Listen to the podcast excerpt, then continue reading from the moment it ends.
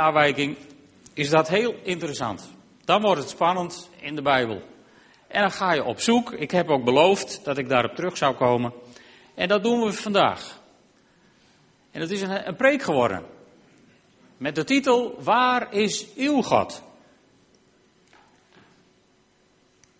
Want in Genesis 28, vers 13, ik heb eerst maar eens wat Bijbelvertalingen op een rijtje gezet. Dan kunt u het zelf even zien.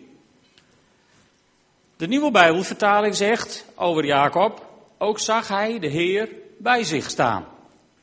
Daar was ik dus zo enthousiast over. De NBG zegt, en zie, de Heer stond bovenaan. Nou, dan gaat dat naar aan zekerheid grenzende waarschijnlijkheid over de ladder. De herziene statenvertaling, die maakt het nog iets explicieter. En die zegt, en zie, de Heer stond bovenaan de ladder, aan die ladder. Dat is helemaal helder.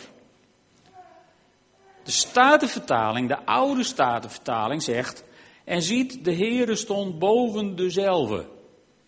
Dat is helemaal spannend, want wie is dan dezelfde? Maar dit komt heel dicht bij de grondtekst, want dit staat er in het Hebreeuws. Het boek zegt, bovenaan de ladder stond de Heere. De Groot Nieuwsbijbel zegt, en bovenaan zag hij de Heere staan. Petrus Canisius, misschien kent u die niet. Petrus Canisius, een oude Bijbelgeleerde uit eh, een paar honderd jaar geleden. Hele spannende tijd, heel interessant trouwens. Petrus Canisius. Hè. Vandaag de dag zouden wij in Drachten zeggen Piet Hoentje. Maar ja, als je wat gestudeerd had, dan kon je niet Piet Hoentje heten natuurlijk. Dan maakte je daarvan Petrus Canisius. Petrus de hond. Of Piet de hond. Dus en zie, Jawel stond naast hem. Die is dan wel weer interessant, want kennelijk, lang geleden dachten ze daar ook al aan. De Leidse vertaling, ook uit, uit diezelfde tijd ongeveer, die zegt, en zie, de Heer stond naast hem. Die, die zijn het met elkaar eens. Luther zegt, en de Heer stond er bovenop. Nou, die stond vast niet bovenop Jacob, maar op de ladder. Ook op zijn Duits zegt hij, und der Herr stand oben daarof. Dus dat wijst heel duidelijk ook weer op een plek. De Naardense Bijbel, waar je dan ook nog wel eens naar uit kunt wijken. En als je denkt van nou, hoe zou het er nou zo letterlijk mogelijk staan? Dan, dan is dit een hele goede vertaling. Zie daar, boven hem de enige posteert. En dan moet je je weer afvragen, wie is hem? Willibrod, de Bijbel van de katholieke broeders en zusters, die zegt, Ineens stond de Heer bij hem. De Authorized Version, oftewel de King James Version, bij de meeste mensen zo bekend. And behold, the Lord stood above it. Als dat it er nou niet achter had gestaan, dan was het redelijk goed geweest, maar nu. De New International Version die zegt, there above it stood the Lord. Dus dat gaat weer over de ladder en de Amplified Bible, ook een hele soort multiple choice Bijbelvertaling, daar worden van een hele hoop woorden verschillende mogelijkheden gegeven. Zo van, dan mag je dat zelf invullen. And behold, the Lord stood over and beside him. Nou, nog een paar. De revidierte Elberfelder, een gezaghebbende Duitse vertaling. Und siehe der Herr stand über ihr. En ihr, dat is onmiskenbaar de ladder. Dat kan Jacob niet zijn. En tenslotte, als je het dan helemaal zeker wilt weten, ga je naar de enige echte Bijbelvertaling. en die zegt, en er de Heere stier boppen on. En dan gaat het ineens weer over de ladder. Nou, dan ben je in staat van opperste verwarring, want waar staat hij nou? Dat is een hele interessante. Waar staat hij nou? De vraag is allereerst, als het gaat over hem, van wie is hem? Want in het Hebreeuws, Hebreeuws is een taal met veel minder woorden dan wij. En, en hem, dat staat er wel. Er staat, en de Heer boven hem. Dat is ongeveer wat er staat. Dan vul je in van de Heer stond of was of bevond zich. Dat mag je zelf invullen. Maar de Heer boven hem. En wie is dan hem? Nou, ladder is in het Hebreeuws een mannelijk woord. En van Jacob met zijn twaalf zonen nemen we ook maar aan dat hij mannelijk was. En dan mag je het zelf uitzoeken in het Hebreeuws. Leuk hè? Dat is heel spannend, want waar zet je God dan neer in deze situatie? Nou, ik heb de volgende oplossing daarvoor. Waar je God neerzet, is afhankelijk van jouw godsbeeld. Dat is misschien even een heilig huisje, dat je denkt van nou ja, maar de Bijbelvertaling die ik lees is toch het woord van God? Ja, absoluut, maar het is een vertaling van het woord van God en vertalen is voor een deel interpreteren. Dus waar zet je God nou neer in dit verhaal? Dat is afhankelijk van uw godsbeeld. Geloven wij in een God die vanuit de hoge hemel de zaken op aarde dirigeert, dan plaatsen wij hem op veilige afstand boven aan de ladder. Maar leven wij met een God die het de moeite waard vond om mens te worden en onder ons te wonen, dan kunnen we hem heel goed naast ons voorstellen. En sterker nog, als we vervuld zijn met de Heilige Geest, dan weten we dat God in ons woont. En daarom vind ik het dus discutabel dat sommige vertalingen God heel expliciet een plaats aanwijst. Dat zou je in mijn ogen niet moeten doen. Maar goed, het zij zo. De vraag is dan, van kan God wel dichtbij zijn? Dat is een bijbelse vraag. In 2 Kronieken 6 vers 18, daar roept koning Salomo het uit, zou God werkelijk bij de mensen op aarde kunnen wonen? Want zelfs de hoogste hemel kan u niet bevatten, laat staan dit huis dat ik voor u heb gebouwd. Wanneer roept Salomo dit? Weten jullie dat? Hm? Bij de inwijding van de tempel, ja. Dus is dit een retorische vraag. Want als Salomo zich oprecht zou afvragen van kan God wel bij de mensen wonen, dan had hij zich dat beter kunnen afvragen voordat hij de eerste steen legde van de tempel, of? Ik bedoel, als je nou niet zeker weet of God erin wil wonen, ga je geen huis bouwen. Denk ik, dan maar. Dus Salomo wist het antwoord wel. God, Salomo wist heel goed van God kan bij de mensen wonen. En hoe wist hij dat? Dat wist hij uit het woord van God, uit de schriften waar hij al over kon beschikken. Want God wil juist heel dicht bij ons zijn. Maar kijk maar eens, tegen Mozes zegt God in Exodus 25, de Israëlieten moeten een heiligdom voor mij maken, zodat ik te midden van hen kan wonen. Dat was het verlangen van God. Het is nog sterker in Exodus 29. Daar zegt God, ik zal te midden van de Israëlieten wonen en ik zal hun God zijn.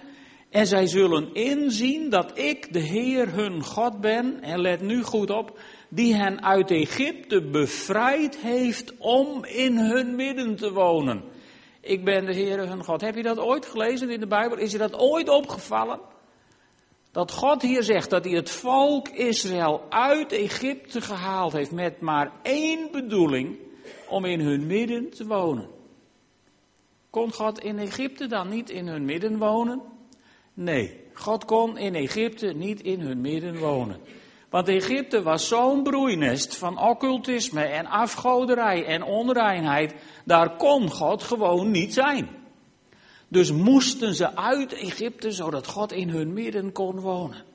Snap je nu waarom God ons heeft bevrijd uit de slavernij van de zonde?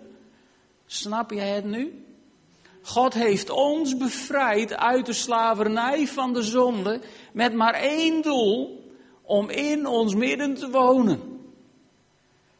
Want in de zonde kan God niet onder ons wonen. En daarom heeft hij zijn zoon naar deze wereld gestuurd om ons vrij te kopen, om ons te verlossen, om ons uit het Egypte van de zonde te leiden, zodat hij onder ons kan wonen. Zo verlangt God ernaar om te wonen bij de mensen. En het wordt nog sterker. In 2 Korintiërs 6, vers 16 dan roept Paulus het uit en dan zegt hij, wat heeft de tempel van God met afgoden te maken? Wij zelf zijn de tempel van de levende God. Zoals God zelf heeft gezegd, ik zal bij hen wonen en in hun midden verkeren. Ik zal hun God zijn en zij mijn volk. Met andere woorden, God verlangt er vurig naar om in jou te wonen. En als jij de Heilige Geest hebt ontvangen, als je je hart hebt opengezet voor de Geest van God, dan woont Hij in de persoon van de Heilige Geest binnenin jou. En als je nog nooit je hart hebt opengezet om de Heilige Geest van God binnen te laten. Met andere woorden, als je nog nooit hebt gezegd, Jezus, ik herken u als mijn Heer en Verlosser, want dat is het moment waarop de Geest in je komt wonen. Dan kan dat vandaag. Straks na de dienst is daar een kamertje, pastoraat hangt daar op de deur en dan kun je heen voor een goed gesprek en voor een goed gebed. En eventueel mag je mij ook aanschieten, want dan regelen we dat vandaag ter plekke. God wil in jou wonen. Daar heeft Hij alles voor gedaan wat nodig was om het mogelijk te maken. Maar ja, de goede Bijbelkenner zal zeggen dat staat wel in 2 Korintiërs 6. Maar hoe zit het dan met 2 Korintiërs 5? Nou, laten we dat voor de aardigheid samen lezen. 2 Korintiërs 5.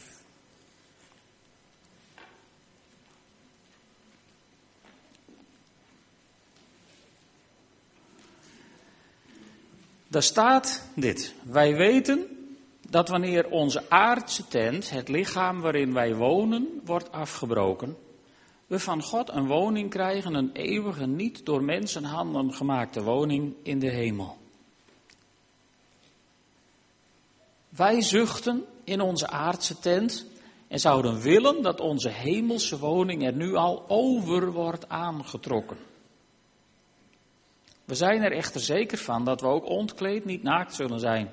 Zolang we in onze aardse tent verblijven, zuchten we onder een zware last, omdat we niet willen dat deze kleding wordt uitgetrokken. We willen dat het nieuwe over wordt aangetrokken, zodat het sterfelijke door het leven wordt verslonden.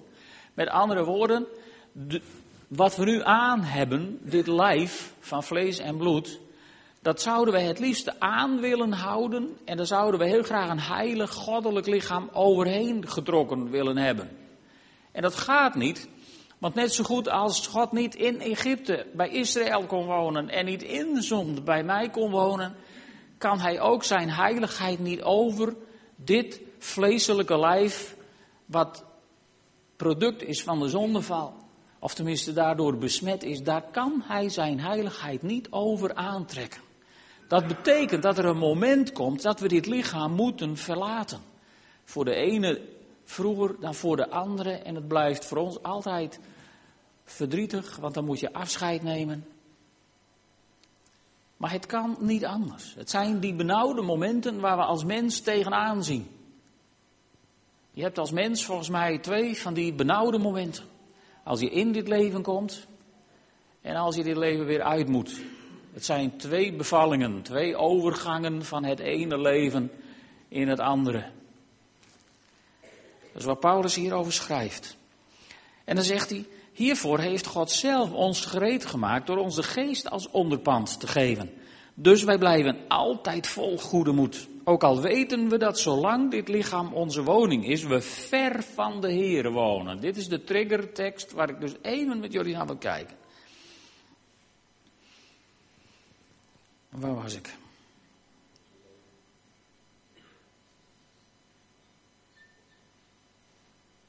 Ik ben hem kwijt. Vers 6. Ja, dankjewel. Gaan we verder met vers 7. We leven in vertrouwen op God. Wat komen gaat is nog niet zichtbaar. We blijven vol goede moed, ook al zouden we ons lichaam liever verlaten om onze intrek bij de Heer te nemen. Daarom ook stellen wij er een eer in te doen wat God wil, zowel in dit bestaan als in, ons bestaan bij Hem.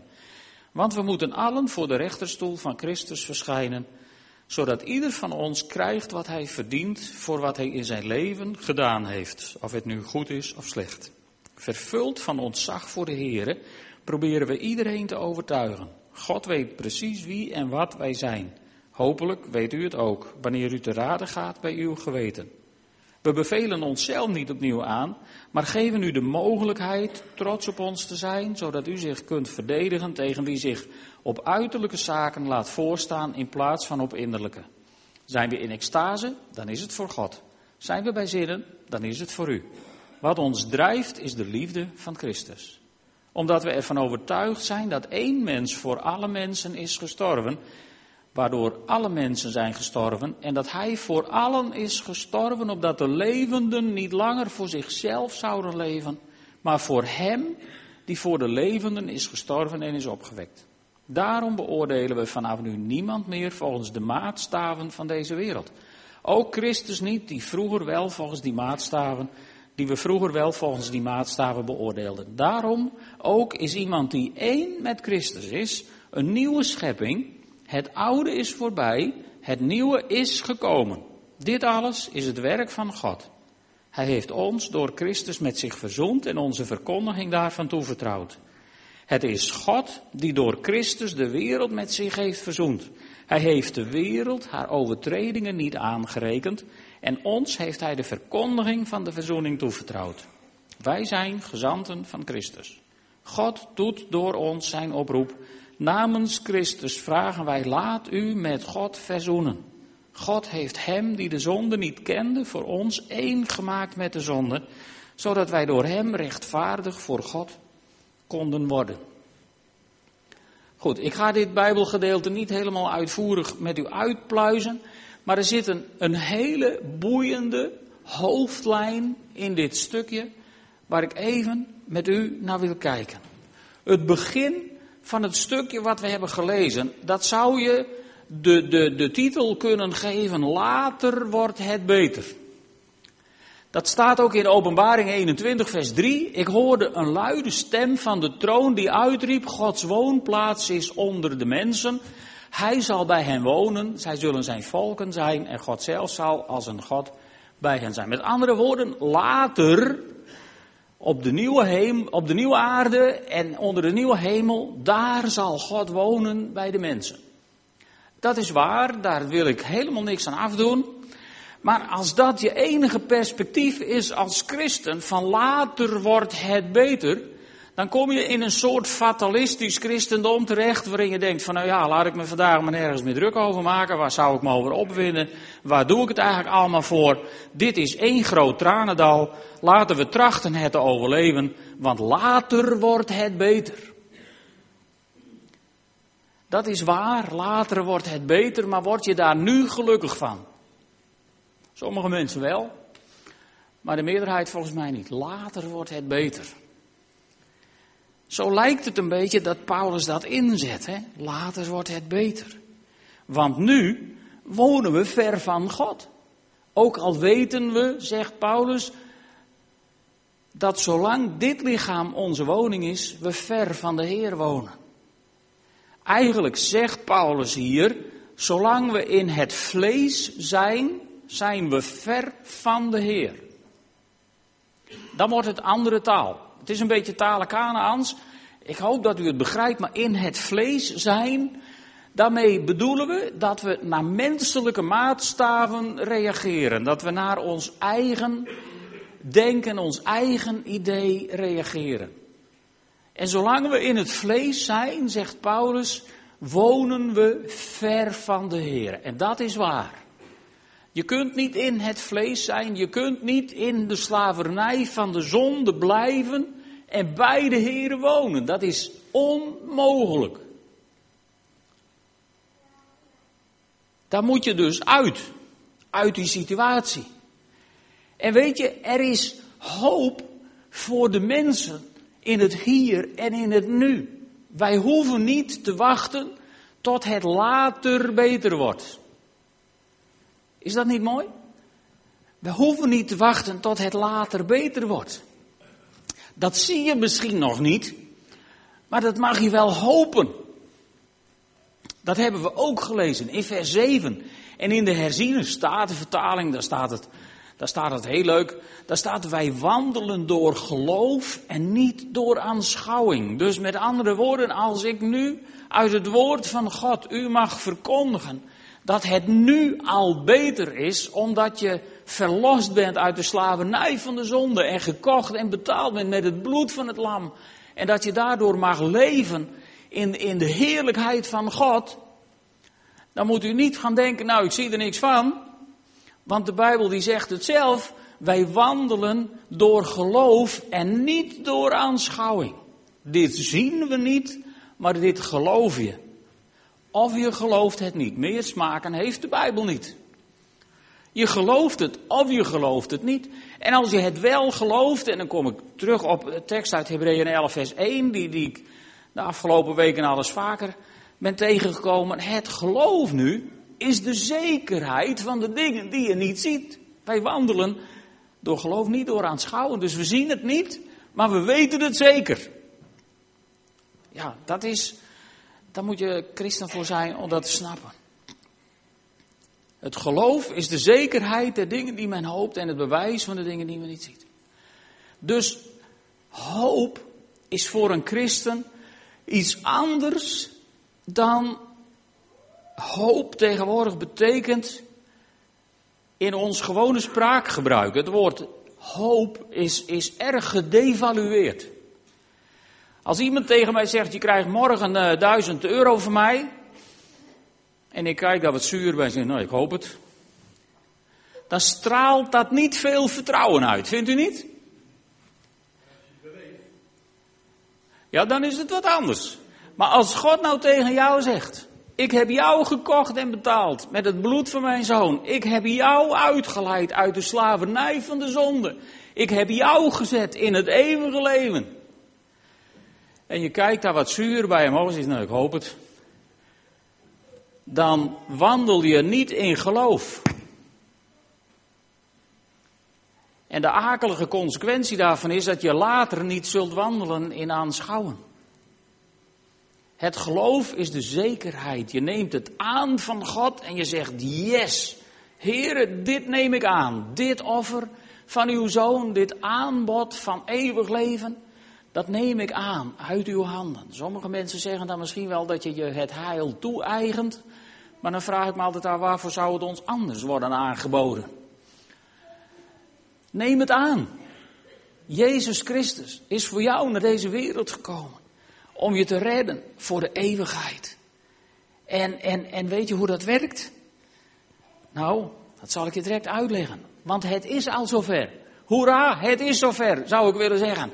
Het oude is voorbij, het nieuwe is gekomen, want als iemand één met Christus is, of als iemand in Christus is, is hij een nieuwe schepping. Dus zolang we in het vlees zijn, zegt Paulus, wonen we ver van God. Maar zodra we in Christus zijn, zijn we een nieuwe schepping. Het oude is voorbij en het nieuwe is gekomen. Dat is voltooid tegenwoordige tijd. Het is geen verleden tijd, van de zwaar eenmaal.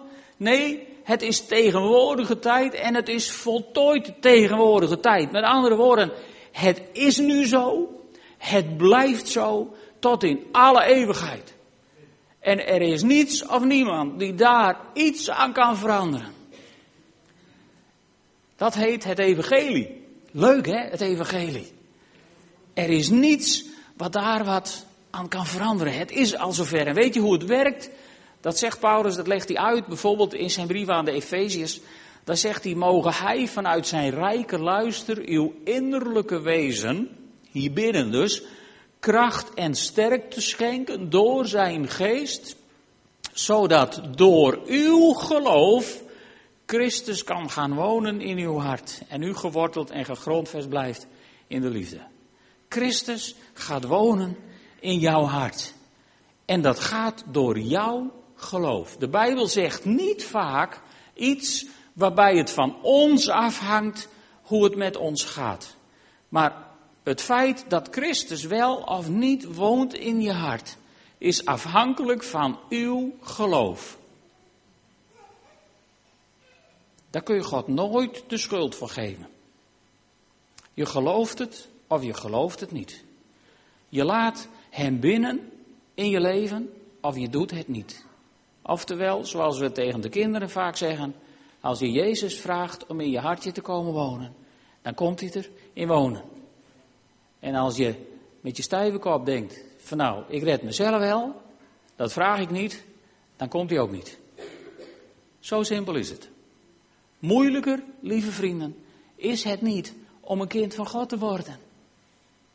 Je hoeft alleen maar één keer ja te zeggen tegen Jezus. Dan komt Hij in je wonen en meer kun je er niet aan doen. Dat willen we dan vaak wel, hè? We zijn van die vreemde mensen. Eerst willen we niet. En als we dan een keer wel willen, dan willen we het zelf allemaal doen. En dat kun je niet. Als Jezus in je hart komt wonen, dan ben je een nieuwe schepping. Dan is het oude voorbij. Ik het zelf doen is voorbij. Dat kan niet meer.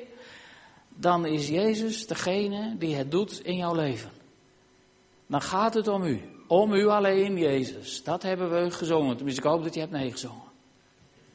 Daar gaat het dan om. En dan komen we bij de hamvraag voor deze avond, voor deze ochtend. Sorry. Waar is uw God? Waar is uw God? Is hij boven aan de ladder, op veilige afstand, ver weg geparkeerd? Zit hij ergens naast je? Of mag hij in jou wonen en jouw leven regeren? Waar is uw God? En weet je, dat wil God weten. Toen Jezus met zijn discipelen op aarde was, toen keek hij op een gegeven moment zijn discipelen aan. En toen zei hij tegen zijn leerlingen: Wat zeggen de mensen eigenlijk over mij? Wie zeggen de mensen dat ik ben? En dan komt de ene, nou, Elia, Johannes, Mozes, bla bla. Ze hadden allemaal wel maar Jezus, Jezus was helemaal niet geïnteresseerd in de algemene publieke opinie, lieve vrienden. Dat zou Jezus worst zijn, wat de wereld over hem dacht. Hij was niet gekomen om naar de pijpen van deze wereld te dansen. Hij was naar deze wereld gekomen om deze wereld te verlossen uit de slavernij van de zonde. En wat de mensen daarvoor vonden, dat was helemaal niet spannend.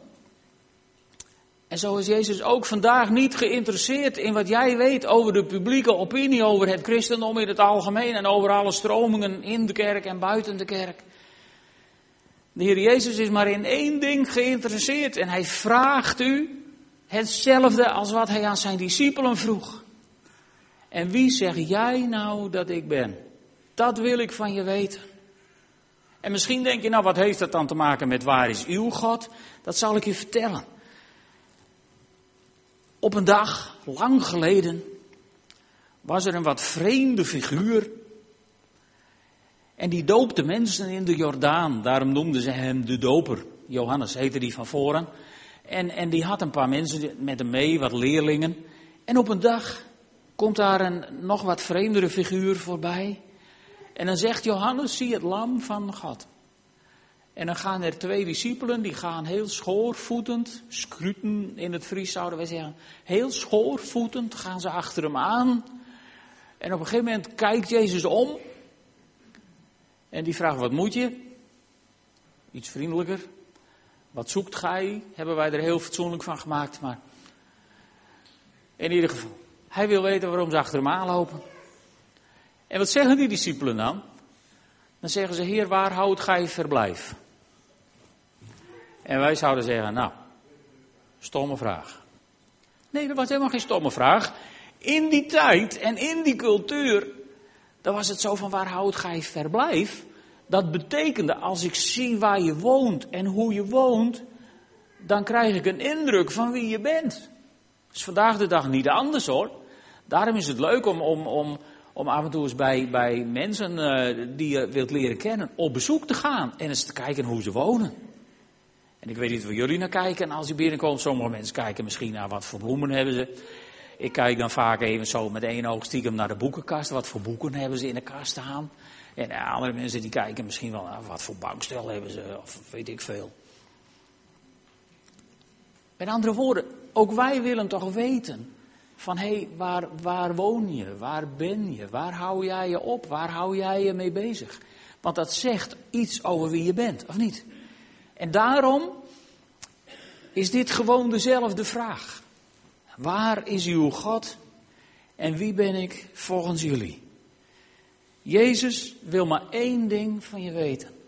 Welke plek heb ik in jouw leven?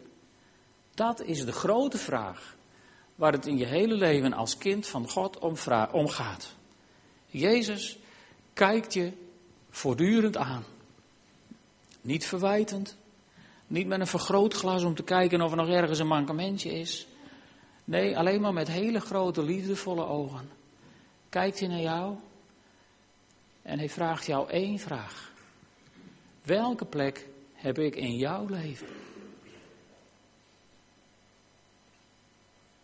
Misschien moet je daar heel even over nadenken. Wat voor antwoord je zou geven als Jezus het je nu zou vragen. Wie zeg jij dat ik ben? Welke plek heb ik in jouw leven?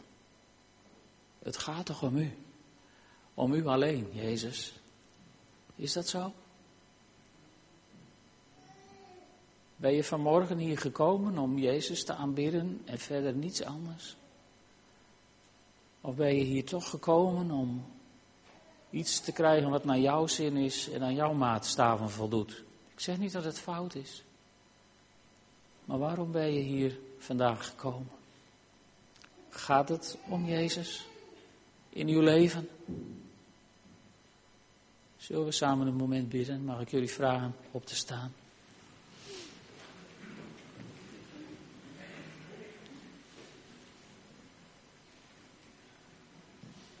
Heere God, het is een indringende gewetensvraag die u ons stelt.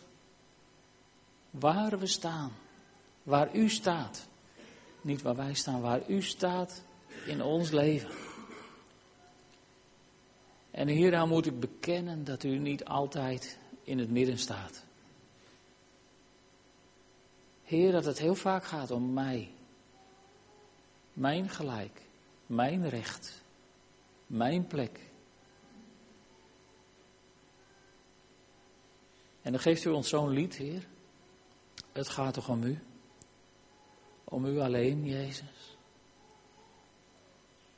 Heer, dan heb ik oprecht spijt van hoe ik ermee omging. En dan bid ik u om één ding. Laat uw Heilige Geest zo krachtig worden in mijn leven. Dat het werkelijk alleen maar om u gaat. Om u, Jezus. Om u, Heer. Als we onze kinderen opdragen. Om u, als mensen zich toevoegen aan onze gemeente. Om u alleen, als we elkaar ontmoeten, gesprekken met elkaar hebben. Goede tijden of slechte tijden met elkaar hebben. Het gaat toch om u. Om u alleen, Jezus. En ik bid u, Heere God, help ons om dat realiteit te laten zijn in het leven van alle dag. Dat bid ik van u in de naam van Jezus Christus, uw Zoon. Amen.